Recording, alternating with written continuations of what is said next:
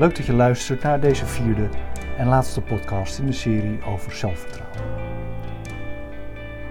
Het zelfvertrouwen van mensen toont zich op momenten dat het ertoe doet in het leven. Niet de dagelijkse dingen waar je weinig over na hoeft te denken, maar de uitdagingen, de spannende gebeurtenissen, de momenten waarop er meer van je gevraagd wordt dan normaal, dan komt het erop aan voor wat betreft je zelfvertrouwen. De figuur van Jacob, zoals we dat lezen in het Bijbelboek Genesis, bevindt zich op zo'n moment. Het verhaal begon ermee dat Jacob zijn broer Esau en zijn vader Isaac verraden door op een sluwe manier de zegen van zijn vader Isaac te krijgen in plaats van zijn broer. Die zegen was bedoeld voor Esau, maar Isaac was blind en Jacob misbruikte dat door zich voor te doen als Esau. Isaac en Esau ontdekken het en Esau wordt woest op hem. Hij dreigt Jacob wat aan te doen en daarom vlucht Jacob. In het verhaal dat we nu gebruiken zijn we op een punt aangekomen dat Jacob al een aantal jaar is weg geweest. Als je het zelf wilt lezen, neem dan een Bijbel en sla hem open bij het Bijbelboek Genesis, hoofdstuk 32 vanaf vers 23. Jacob heeft zijn leven moeten opbouwen in een vreemd land en het is hem gelukt. Hij is succesvol, hij heeft een grote familie en hij heeft veel bezit. Hij neemt echter het moedige besluit dat hij na al die jaren zijn broer Esau weer onder ogen wil komen. Dat vraagt veel van hem. Zou Esau nog steeds zo boos op hem zijn? Is het niet gevaarlijk wat hij doet? Hij hoeft het toch niet te doen? Maar Jacob kiest ervoor om het wel te doen. Hij neemt de beslissing om zijn broer Esau weer onder ogen te komen. En die beslissing vraagt om vertrouwen, om zelfvertrouwen. Zelfvertrouwen groeit zodra je iets doet wat moeilijk is.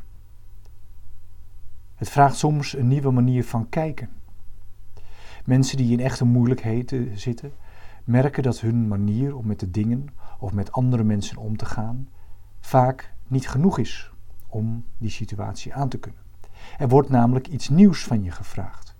Je moet leren met de nieuwe, vaak ingewikkelde situatie om te gaan. En dat vraagt om inzet. Het vraagt erom dat je misschien iets aan moet gaan wat je moeilijk vindt. Iets waar je tegenop ziet. Dat hoeft overigens niet alleen maar een moeilijke situatie te zijn. Zo houden bijvoorbeeld veel mensen van reizen. Enerzijds is het bekend, namelijk je weet waar je naartoe gaat, je weet wie je bent, je hebt de reis gepland. Maar er is ook iets onbekend, iets wat je nog niet weet. Een ander land, een andere cultuur, een hele nieuwe ervaring.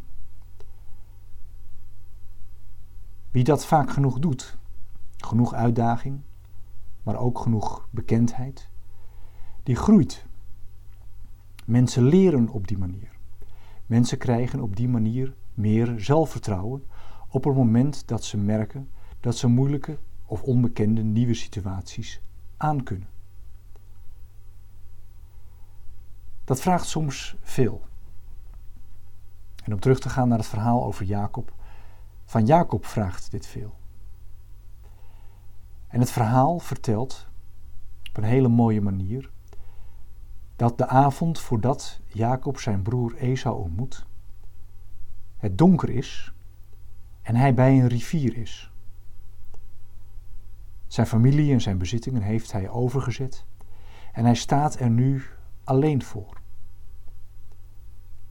En vervolgens vertelt het verhaal. En er worstelde, er vocht iemand met hem, totdat de dag aanbrak. Jacob die vecht. Met wie vecht hij? Dat is aanvankelijk onduidelijk. Vecht hij met zijn eigen angsten? Of met zijn doembeelden? Vecht hij misschien met zijn verleden of vecht hij met de toekomst? Hoe dan ook, hij vecht de hele nacht door. En als het ochtend wordt, dan blijkt hij gewonnen te hebben. Want de ander die vraagt hem: Laat mij gaan. En dan blijkt met wie Jacob gevochten heeft. Het was namelijk God zelf. En Jacob zegt tegen God: Ik laat u niet gaan, tenzij u mij zegent. Hij weigert God los te laten. Hij weigert het gevecht van zijn leven, het gevecht om het vertrouwen in de toekomst op te geven, en houdt God net zo lang vast totdat hij hem zegent. En zo zal het ook gaan. God zegent Jacob. En al loopt Jacob na afloop van het gevecht wat mank. Hij heeft overwonnen.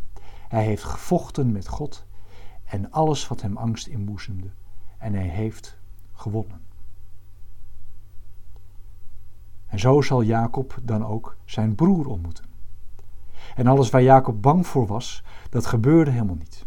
Esau komt op hem afgerend op het moment dat hij hem ziet en hij omhelst hem. En het is weer goed tussen hen. Dat is zelfvertrouwen. Het is ervoor kiezen om, als dat nodig is, te worstelen, te vechten met God. Dat wat onrust veroorzaakt aan te gaan. En net zo lang door te gaan totdat je een gezegend mens bent, totdat het weer goed is in je leven. En je vertrouwen hebt dat de toekomst ook goed is. Daarom wens ik je veel zelfvertrouwen toe. En als dat nodig is, net als Jacob, confrontatie met wat moeilijk is of wat onbekend is. Leuk dat je luisterde naar deze podcast. Dit was de laatste in de serie over zelfvertrouwen. Voor andere podcasts, vlogs en blogs van Mijn Kerk kun je kijken op www.mijnkerk.nl of vind ons op Facebook of Instagram.